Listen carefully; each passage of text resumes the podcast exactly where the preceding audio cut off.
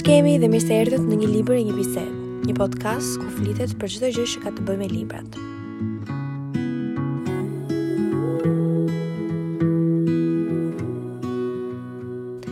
Si episodin e parë të podcastit, doja të prezentohesha pak vetë dhe doja të prezentoja dhe premisën e podcastit. Unë jam Sara, do jem moderatorja juaj gjatë këtij rrugëtimi. Dhe qëllimi im me këtë podcast është që të krijoj një atmosferë komforte për gjithë personat që ose kanë shumë qejf të lexojnë ose persona që duan që të lexojnë më shumë në të ardhmen dhe duan të kenë më shumë informacione për uh, libra të ndryshëm, zhanra të ndryshëm etj etj, pra këtu do flasim uh, për çdo gjë dhe shpresoj që të krijohet dhe një ambient komfort për juve që më dëgjoni dhe të ndiheni të mirëpritur për të më shkruar në çdo rast në Instagram, në website-in e podcastit, gjithashtu mund të më lini një mesazh zanor me përshtypjet tuaja ose në qoftë se doni të flisni për një libër të caktuar, prandaj dhe podcasti është quajtur një libër e një bisedë. Sigurisht do jem vetëm unë duke folur në podcast,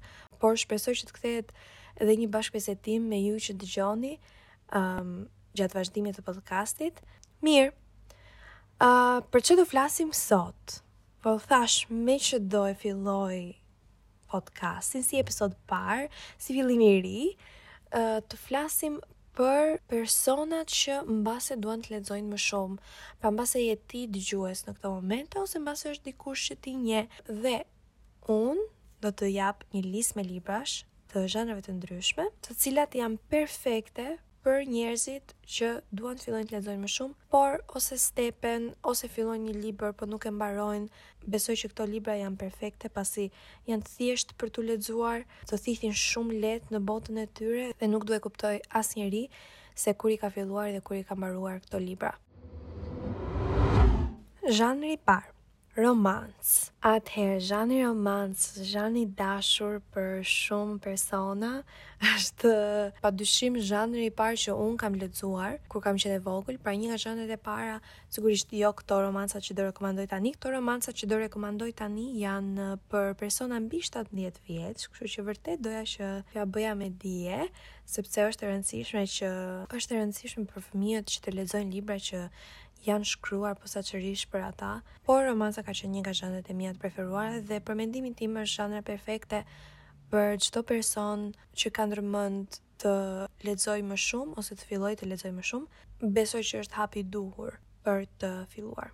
Libri i parë që dua të rekomandoj nga romancat është një libër në gjuhën anglisht, pra fatkeqësisht nuk është kthyer akoma, nuk është përkthyer akoma në gjuhën shqipe dhe është një fatkeqësi pasi librat e kësaj shkrimtares janë vërtet shumë argëtuese dhe njerëzore në të njëjtën kohë, nuk është se janë shumë klishe. Libri është People We Meet on Vacation nga Emily Henry. Për çfarë flet ky libër? Um, flet për dy shokë të ngushtë, të cilët quhen Popi dhe Alex. Këta të dy kanë qenë të pashkëputur nga njëri tjetri që në momentin e parë që u takuan në universitet. Dhe janë dy pole të kundërta. Domethënë, asnjë nuk e besonte që dy pole të kundërta si këta mund të komplimentojnë kaq mirë njëri tjetrin, sepse Popi është një vajzë energjike, lafazane, sociale, kurse nga ana tjetër, Aleksi është një djalë goxha i rezervuar, fjalëpak dhe i mbyllur në vetvete, por ja që e komplimentojnë shumë shumë mirë njëri tjetrin.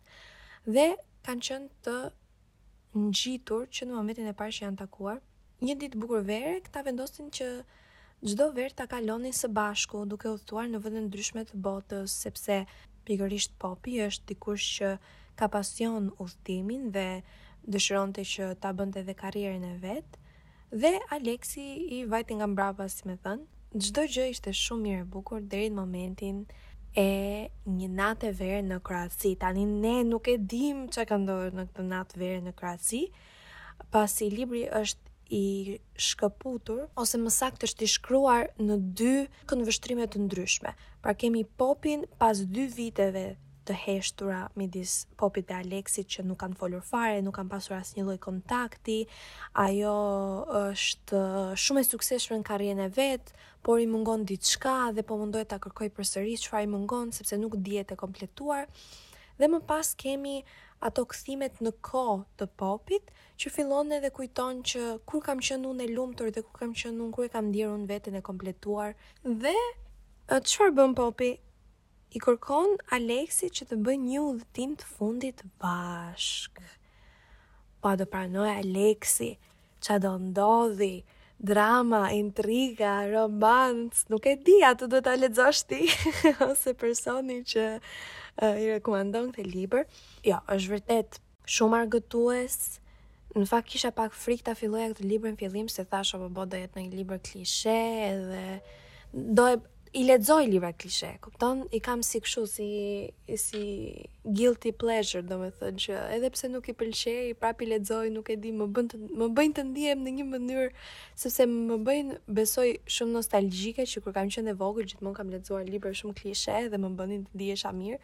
Por, me thënë të drejtën, Edhe pse, ok, ka disa gjëra klishe, është një libër romancë shumë bashkohor, do me thënë që në qoftë se kujtoj librat romancë të vjetër, nuk është se merreshin shumë me problemet që mund të hasin personat në jetën e përditshme, fokusoheshin kryesisht te romanca dhe nuk fokusoheshin në aspekte të tjera të jetës, por librat e Emily Henryt, ose të paktën People We Meet on Vacation, sepse akoma nuk i kam lexuar librat e saj të tjera, flet edhe për këto problematikat që mund të hasin njerëzit um, gjatë rritjes së tyre, gjatë jetesës së tyre në shoqëri e tjera e tjera. Dhe mendoj që është një libër shumë i thjeshtë për t'u lexuar, mbarohet direkt. Besoj që edhe tani me ardhjen e verës është një libër perfekt për t'u lexuar në në pushime, ose në një ditë të bukur me diell, nuk është e thënë që të jeni me pushime. Eksperienca ime duke lexuar këtë libër ka qenë super. I vetmi problem që unë kisha me këtë libër është ato kthimet në kohë. Dhe unë nuk është se është specifik për këtë libër, kthimet në kohë i ka dhe Mbaron me ne nga Colleen Hoover dhe disa libra të tjerë. Mua këto kthimet në kohë nuk më pëlqejnë fare. sepse më shkëputin nga subjekti kryesor, më, më shkëputin nga filli i historisë, filloj pastaj që të ndihem shumë e nevrikosur se them, po mirë them, unë po lexoja këtë, isha e përqendruar aty tani pse po e prish mua betin dhe po më çon në një vend që mua tani nuk po nuk po më intereson fare se çfarë ndodhi më përpara ose se çfarë po ndodh në në ditën e tashme, më intereson ajo gjëja që po lexoja në atë moment dhe Kur ndodh ai ndryshimi i kthimeve në kohë, më shkëput nga historia dhe ndihem goxha e acaruar. Po, ky ishte problemi i vetëm që pata me People We Meet on Vacation. Uh, nga ana tjetër ishte shumë ishte shumë okay, ishte shumë qejf, kam qeshur edhe me të madhe në disa raste, um, që nuk ndodh shumë shpesh. Um, dhe në qoftë se jeni kuriozë se çfarë tropi ka ky libër, pra tropet janë ato um, e, e, e kam munduar që ta përkthej në shqip, përkthehet si mund të përkthehet si shabllon. Pra, shabllon i i një lidhje marrëdhënie romantike që ndodhet në shumë libra. Dhe një nga shabllonet është për shembull nga armiq në të dashur, kurse ky libër ka nga shok të ngushtë në të dashur.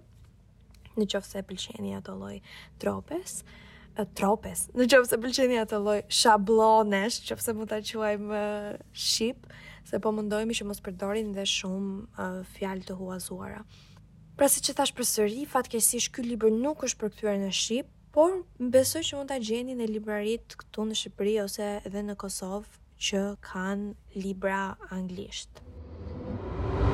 Libri i dytë që dua të rekomandoj në zhanrin e romancës është Kalorësi i bronztë nga Paulina Simons.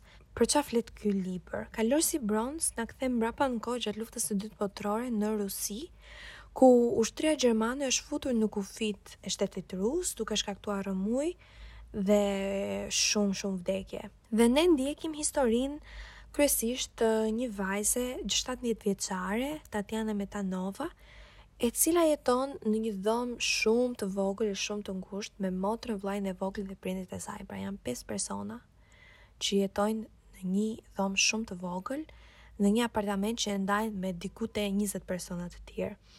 Jemi në sigurisht në Rusinë Sovjetike, Bashkimin Sovjetik.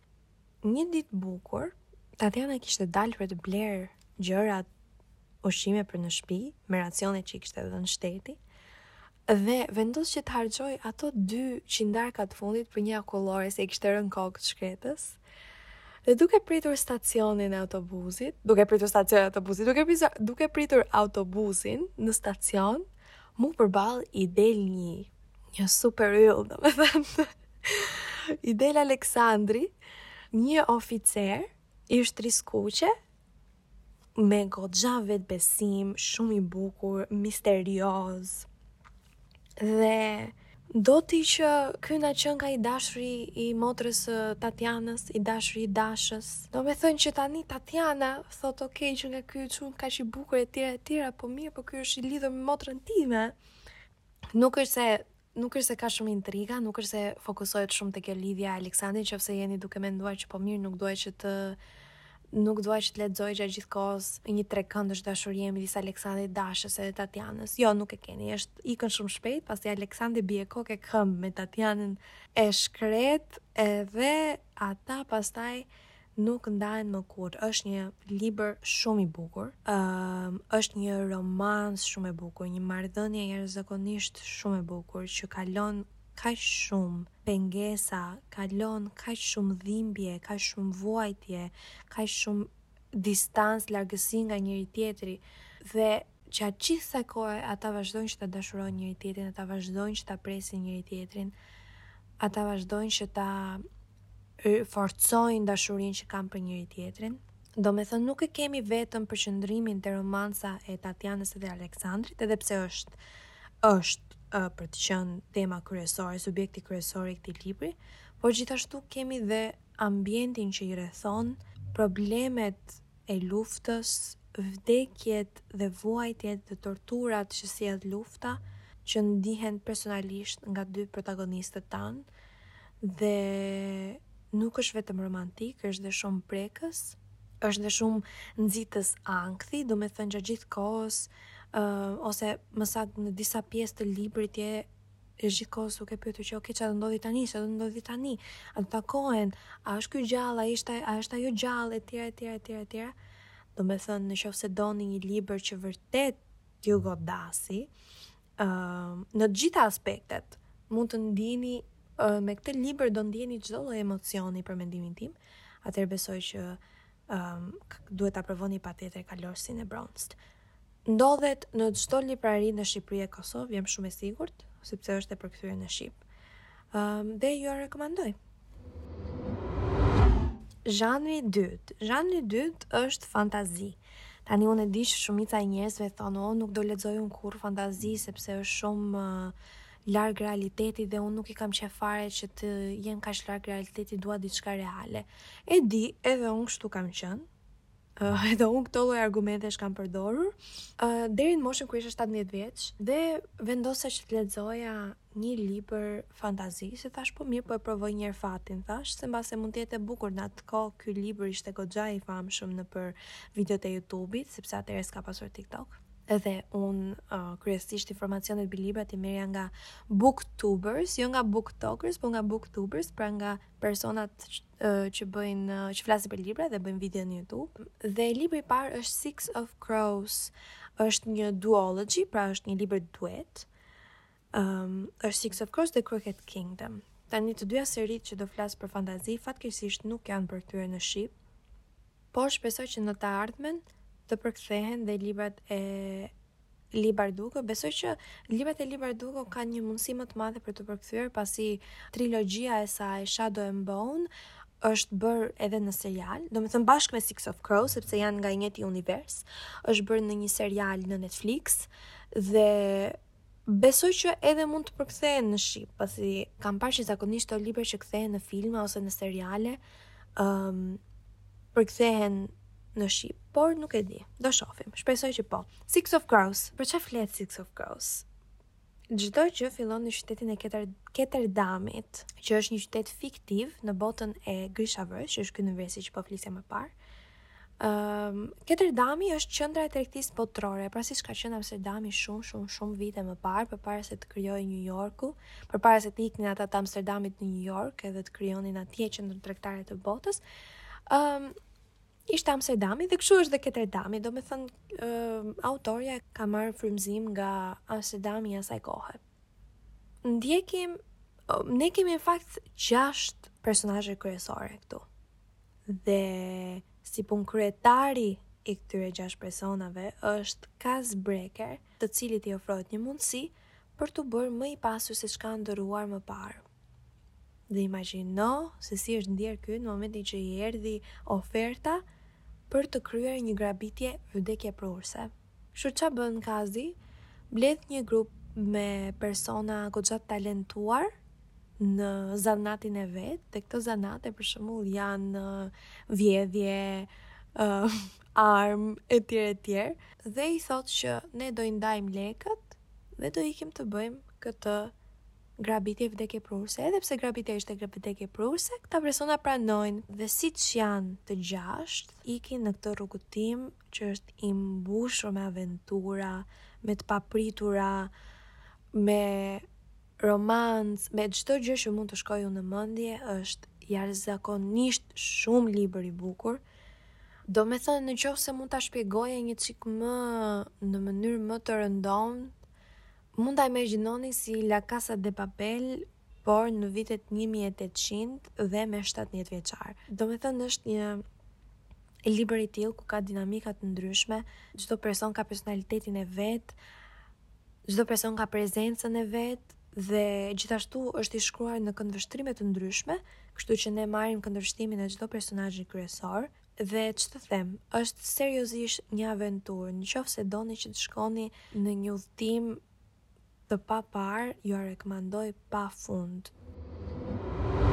Libri i dytë që dua të flas në zhanrin e fantazisë është The Wrath and the Dawn Duology nga Renée Ahdieh. Kjo seri është një adaptim modern i përrallës së famshme arabe nga Një mijë e një net. Flet për Shehrezaden, një vajzë e cila vendos të sakrifikojë jetën e saj për të marrë hakun e kushurirës, e cila u vra nga duart e mbretit të pamëshirshëm të Khorasanit, Khalidit. Besoj që jeni familjar me përrallën e famshme arabe të Një mijë e një net për historinë e Shehrezades, e cila shpëton nga vdekja në duart e mbretit nuk e di në qoftë se në librin Një mijë e një net është mbreti i Khorasanit, po në duart e mbretit arab, duke i treguar atij një histori çdo natë dhe duke ia ndërprerë në pikën kulminante, domethënë imagjino.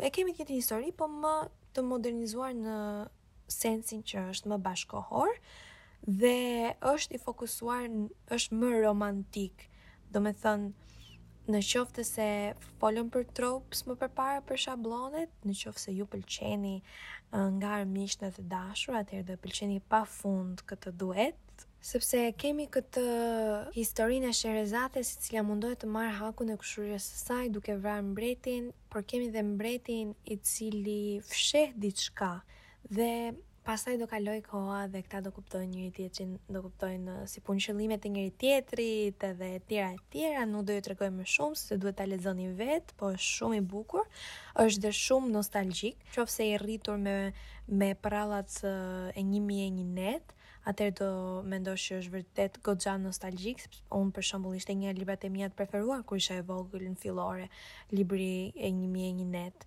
Përrallat arabe. Prandaj ndjeva një lidhje akoma më të fortë me këtë duet dhe mendoj që për të sjellë atë ndjenjën, ndjesinë nostalgjike që është kaq e bukur, besoj që çdo uh, person do ta lexojë këtë libër.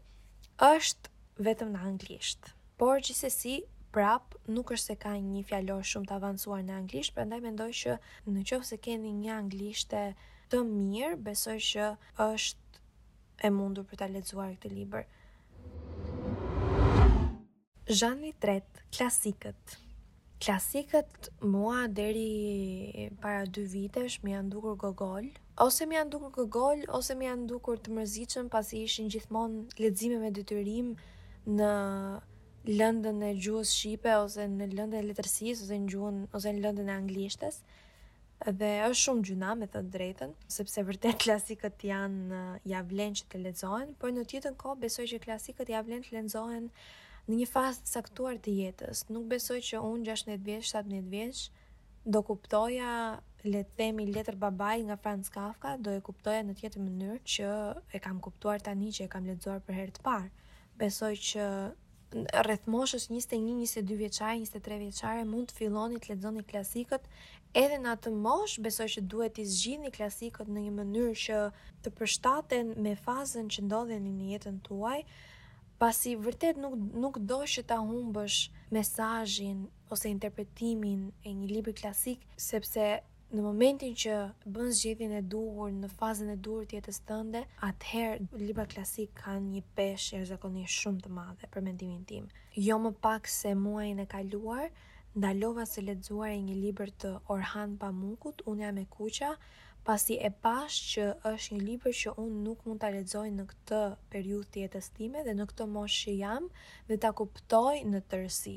Dhe thashë, Ok, në rregull, për nja dhjetë vjet mbase unë do e marr përsëri atë libër dhe do e lexoj, por tani nuk mund ta lexoj. Këto libra që unë do rekomandoj tani janë për fillestarë, si mund të thuash, në zhanrin e klasikut dhe mund të lexohen në një moshë më të re.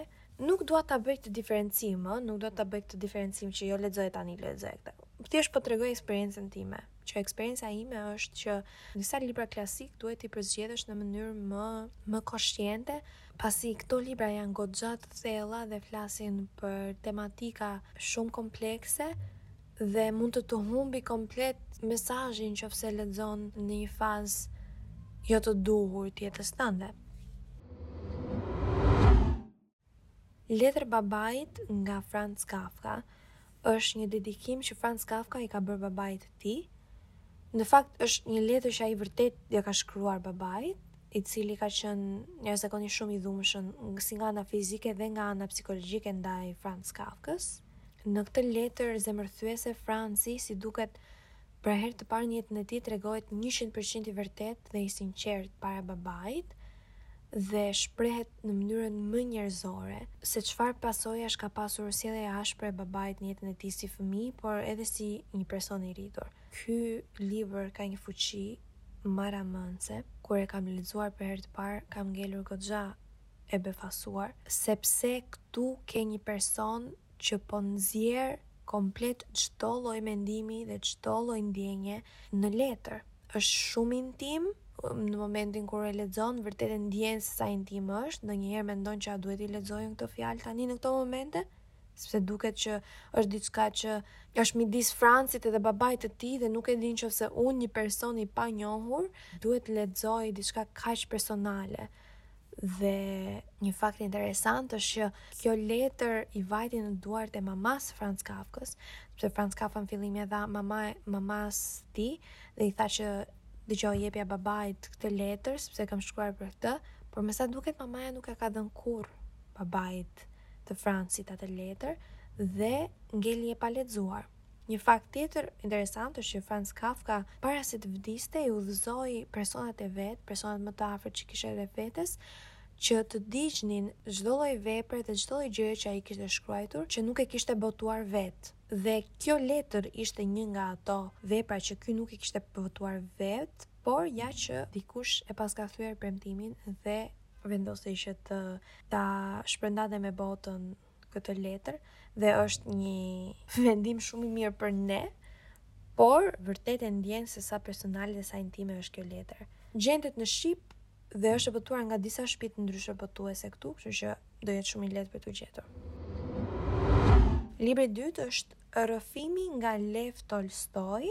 Lev Tolstoi unë i kam lexuar librin Lufta dhe Paqja, që ishte një nga librat Është libri më i madh që kam lexuar në jetën time deri tani dhe Rrëfimin që është një një ese që Lev Tolstoi ka shkruar rreth moshës 50-60 vjeçare, e kam lexuar pas Luftës dhe Paqes dhe kam kuptuar vërtet shumë gjëra për Lev Tolstoi dhe kam kuptuar gjithashtu dhe pse i mori disa vendime të caktuara në librin Lufta dhe Paqja për shembull. Por Është mirë që të lexohet edhe para se të lexosh ndonjë libër, ndonjë vepër tjetër të Lev Tolstoi, sepse përsëri kupton se si ka funksionuar truri i këtij legjende letërsie, mund ta quash. Ky libër jep një këndvështrim shumë të veçantë për fenë, sepse është rrugëtimi i një intelektuali filozof drejt fesë në një moshë shumë të madhe.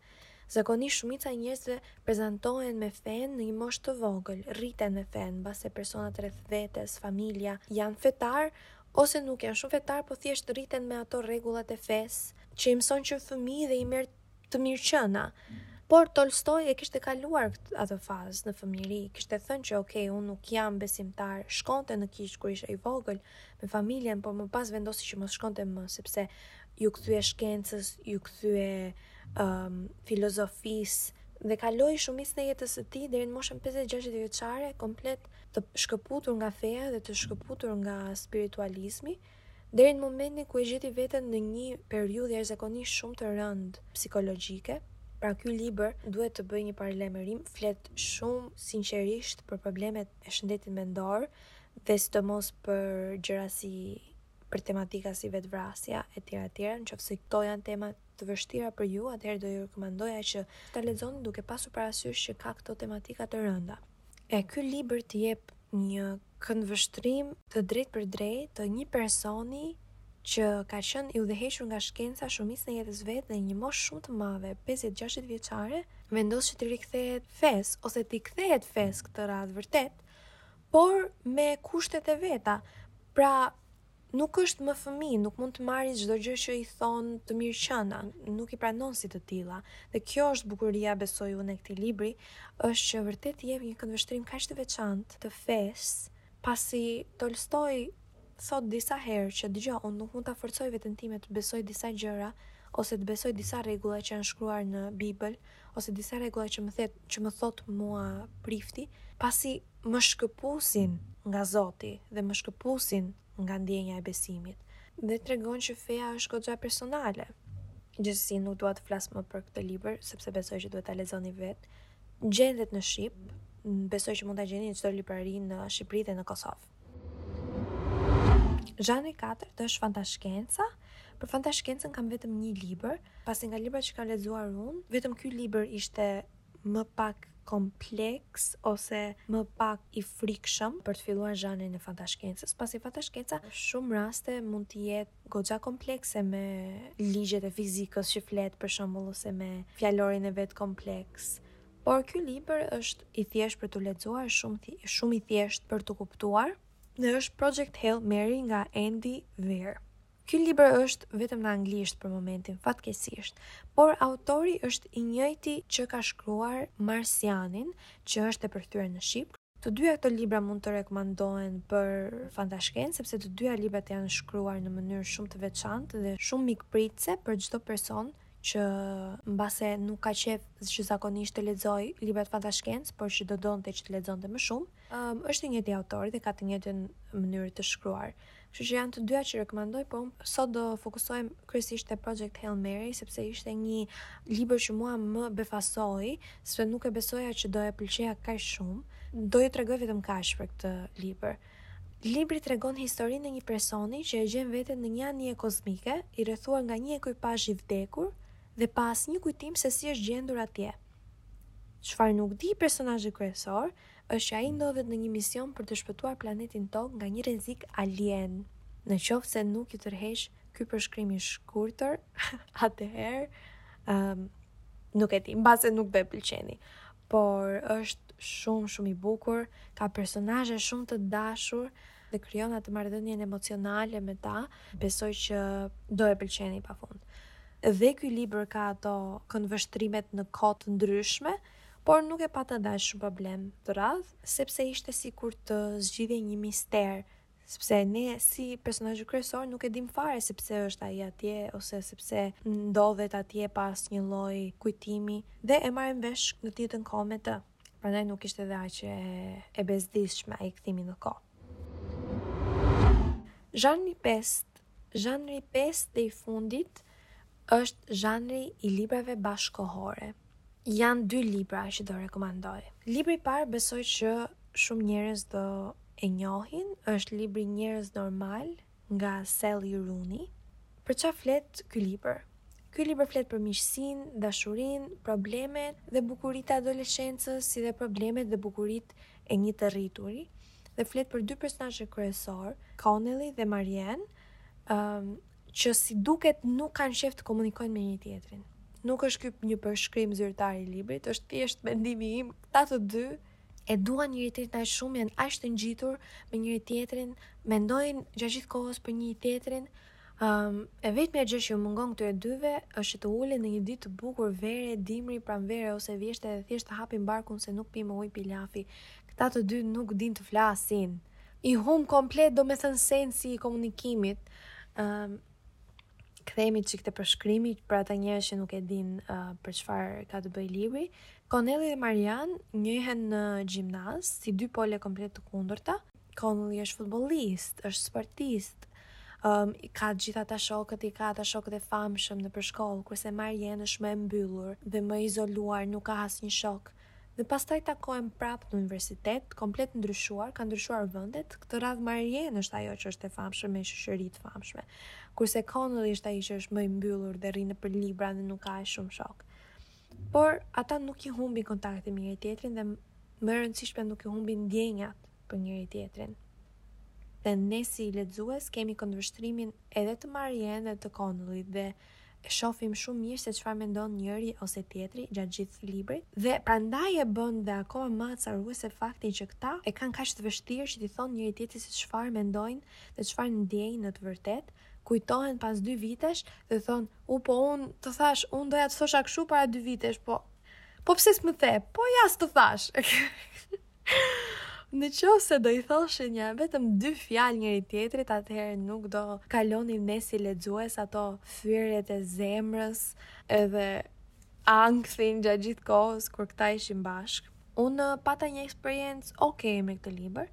Midis tyre dyve është një lidhje goxha perëndimore. Nuk mund të thosha që lidhja e këtyre romantike është e ngjashme me lidhje këtu shqiptare. Për librat që flasin, mënyrën si flasin, ndihet që është goxha perëndimore dhe mua më shkëput. Unë zakonisht nuk i ndjej këto diferenca.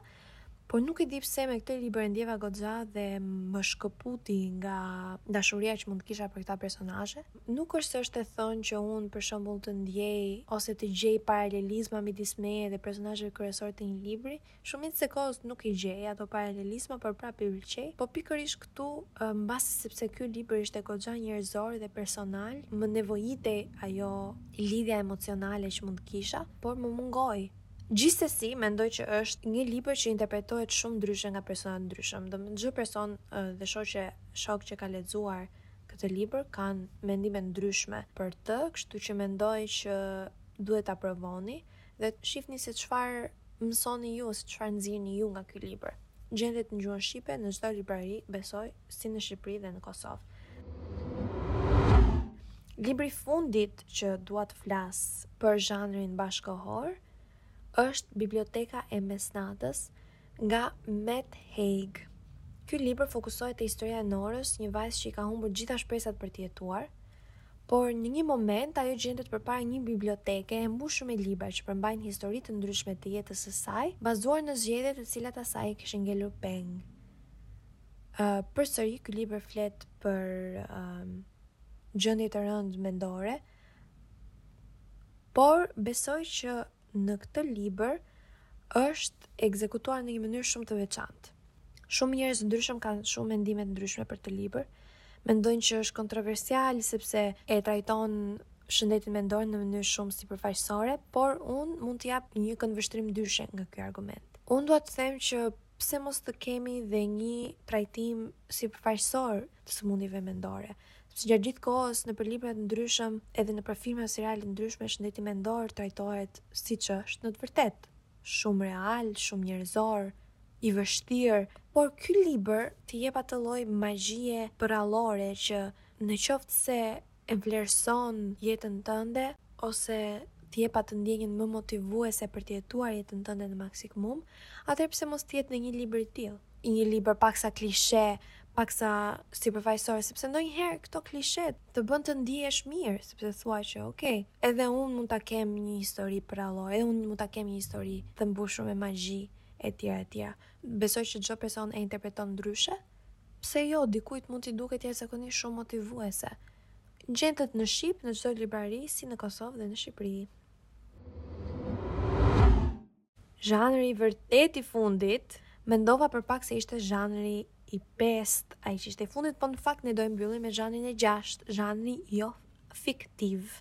Është një libër anglisht dhe një libër shqip që dua të flas. Arsyeja pse dua të flas për këtë libër anglisht edhe pse ka shumë libra shqip jo fiktiv, që flasin për biografi edhe ese etj etj, është sepse ky libër mua më ka lënë komplet pa fjalë. Mënyra e të shkruarit të këtij libri më duket jashtëzakonisht shumë e veçantë. Um, libri quhet Say Nothing, A True Story of Murder and Memory in Ireland nga Patrick Radden Keefe. Patrick Radden Keefe, autori i këtij libri, është një gazetar investigativ i gazetës New York Times dhe shumë gazetave të tjera, dhe një fitues i çmimeve të ndryshme për gazetari. Ky besoj që është libri i parë i tij dhe fokusohet në ngjarjet e viteve 70-80 në Irlandë dhe Britaninë e Madhe, mes cilave ka pasur gjithmonë konflikte lidhur me pavarësinë e shtetit të Irlandës. Uh, ky libër nuk flet vetëm për ngjarjet historike të asaj kohe, si për shembull Bombardimet e shumta që u bënë, vrasjet, rrëmbimet, torturimet, po përqendrohet kryesisht te personazhet që kanë qenë më të ndikuar, për shembull protagonistët e organizatës IRA, Ushtria Republikane Irlandeze, kanë qenë fokus i këtij libri, figurat kryesore të mbretërisë britanike në luftën e Irlandës të asaj kohe, si dhe persona të thjeshtë që gjetën veten dhe familjen e tyre në situata tepër të frikshme, të rrethuar nga dhuna dhe vdekja, domethënë, është shumë libër personal, Patrick Radden Keefe mundohet që të mos të fokusohet vetëm ok ndodhi kjo kjo kjo dhe kjo kjo kjo. Jo, ai tregon vërtet historinë e personazheve sikur të ishte një roman mister investigativ. Por ndryshimi është që çdo gjë që u shkrua në atë libër, çdo fjalë është e vërtetë, ka ndodhur në të vërtetë. Në qoftë se e keni të vështirë që të lexoni librat jo fiktivë, biografitë ose etj etj, besoj që ky libër është perfekt për të filluar, sepse nuk është i shkruar si një libër i zakonshëm jo fiktiv, është shkruar si një roman, fatkeqësisht gjendet vetëm në gjuhën angleze. Unë këtë e kam gjetur online, nuk e kam gjetur në librari këtu. Mund ta gjeni, besoj, pdf diku online. Edhe në qoftë se nuk dini asgjë për ngjarjet e Irlandës ose për për bombardimet për ushtrinë republikane irlandeze, nuk ka rëndësi. Besoj që edhe një person që nuk është i interesuar mbi këto ngjarje mund ta lexojë sepse flet për histori kaq njerëzore, kaq prekëse, histori goxha të rënda dhe besoj që çdokush mund ta lexonte pa asnjë lloj problemi. Libri i fundit që dua të flas për sot dhe ta mbyllim në këtë episod të parë të podcastit është Princesha nga Jean Sasson. Mbaj mend që në moshën 16-17 vjeçare ky libër ka qenë goxha i famshëm, por nuk e di në qoftë se lexuesit mund ta dinë për çfarë ka të bëjë. Është si një ditar, mendojeni si një ditar të shkruar nga një vajzë e cila është princeshë në Arabinë Saudite, e cila tregon për jetën e saj në kulturën dhe shoqërinë izoluese të mbretërisë arabe. Nuk është aspak e ngjashme me historitë e princeshave që jemi rritur ne, rrallë mund të gjejë protagonistja jonë diçka për t'u ndjerë vërtet e lumtur dhe e lirë. Është pjesë e një seri librash të ndryshme, por unë kam lexuar vetëm librin e parë. Autorja e librit, Jean Sasson, tregon që protagonistja është një mike e saj që e ka takuar rastësisht dhe që vendosën për të shkruar këtë libër në mënyrë që t'i jepnin njerëzve jashtë kufijve të Arabisë Saudite një ide se çfarë se si funksionon atje dhe se si është të jesh një princeshë në atë shoqëri kaq izoluese dhe kaq të prapambetur. Është shumë i rëndë, është shumë prekës, flet për tematika shumë të rënda, patjetër nuk rekomandohet për persona nën 18 vjeç, pasi flet për abuzim fizik, abuzim seksual, për dhunim, është një libër që flet për realitetin e shumë vajzave dhe grave në Arabinë Saudite dhe shoqëri të tjera ekstremiste. Dhe është një libër që besoj shumë goca dhe djem duhen ta lexojnë për të kuptuar ose për të krijuar dhe një ndjenjë mirënjohje për jetën që ne kemi në shoqërinë që kemi lindur dhe për të motivuar që të veprosh më mirë në të ardhmen në mënyrë që çdo person të ketë të drejtën të jetojë jetën e tij ose të saj me zgjedhjet e tyre dhe vërtet të jep një këndvështrim ndryshe në jetë sepse thua që jam shumë mirënjohëse që unë nuk ndodhem sidomos si femër si grua nuk nuk jam rritur dhe nuk kam lindur në një shoqëri të tillë Përgatituni për emocione të forta kur ta lexoni këtë libër. Gjendet në gjuhën shqipe në çdo librari, besoj edhe në Kosovë edhe në Shqipëri. Ja, pra, arritëm dhe në fundin e episodit të parë të Një libër e një bisedë. Shumë faleminderit që qëndruat deri tani duke më dëgjuar mua dhe shpresoj që t'ju ketë pëlqyer episodi i parë dhe t'ju ketë pëlqyer dhe ideja e podcastit. Për çfarëdolloj gjëje mund të më kontaktoni në Instagram ose dhe mund të lini një mesazh zanor në website-in e podcastit.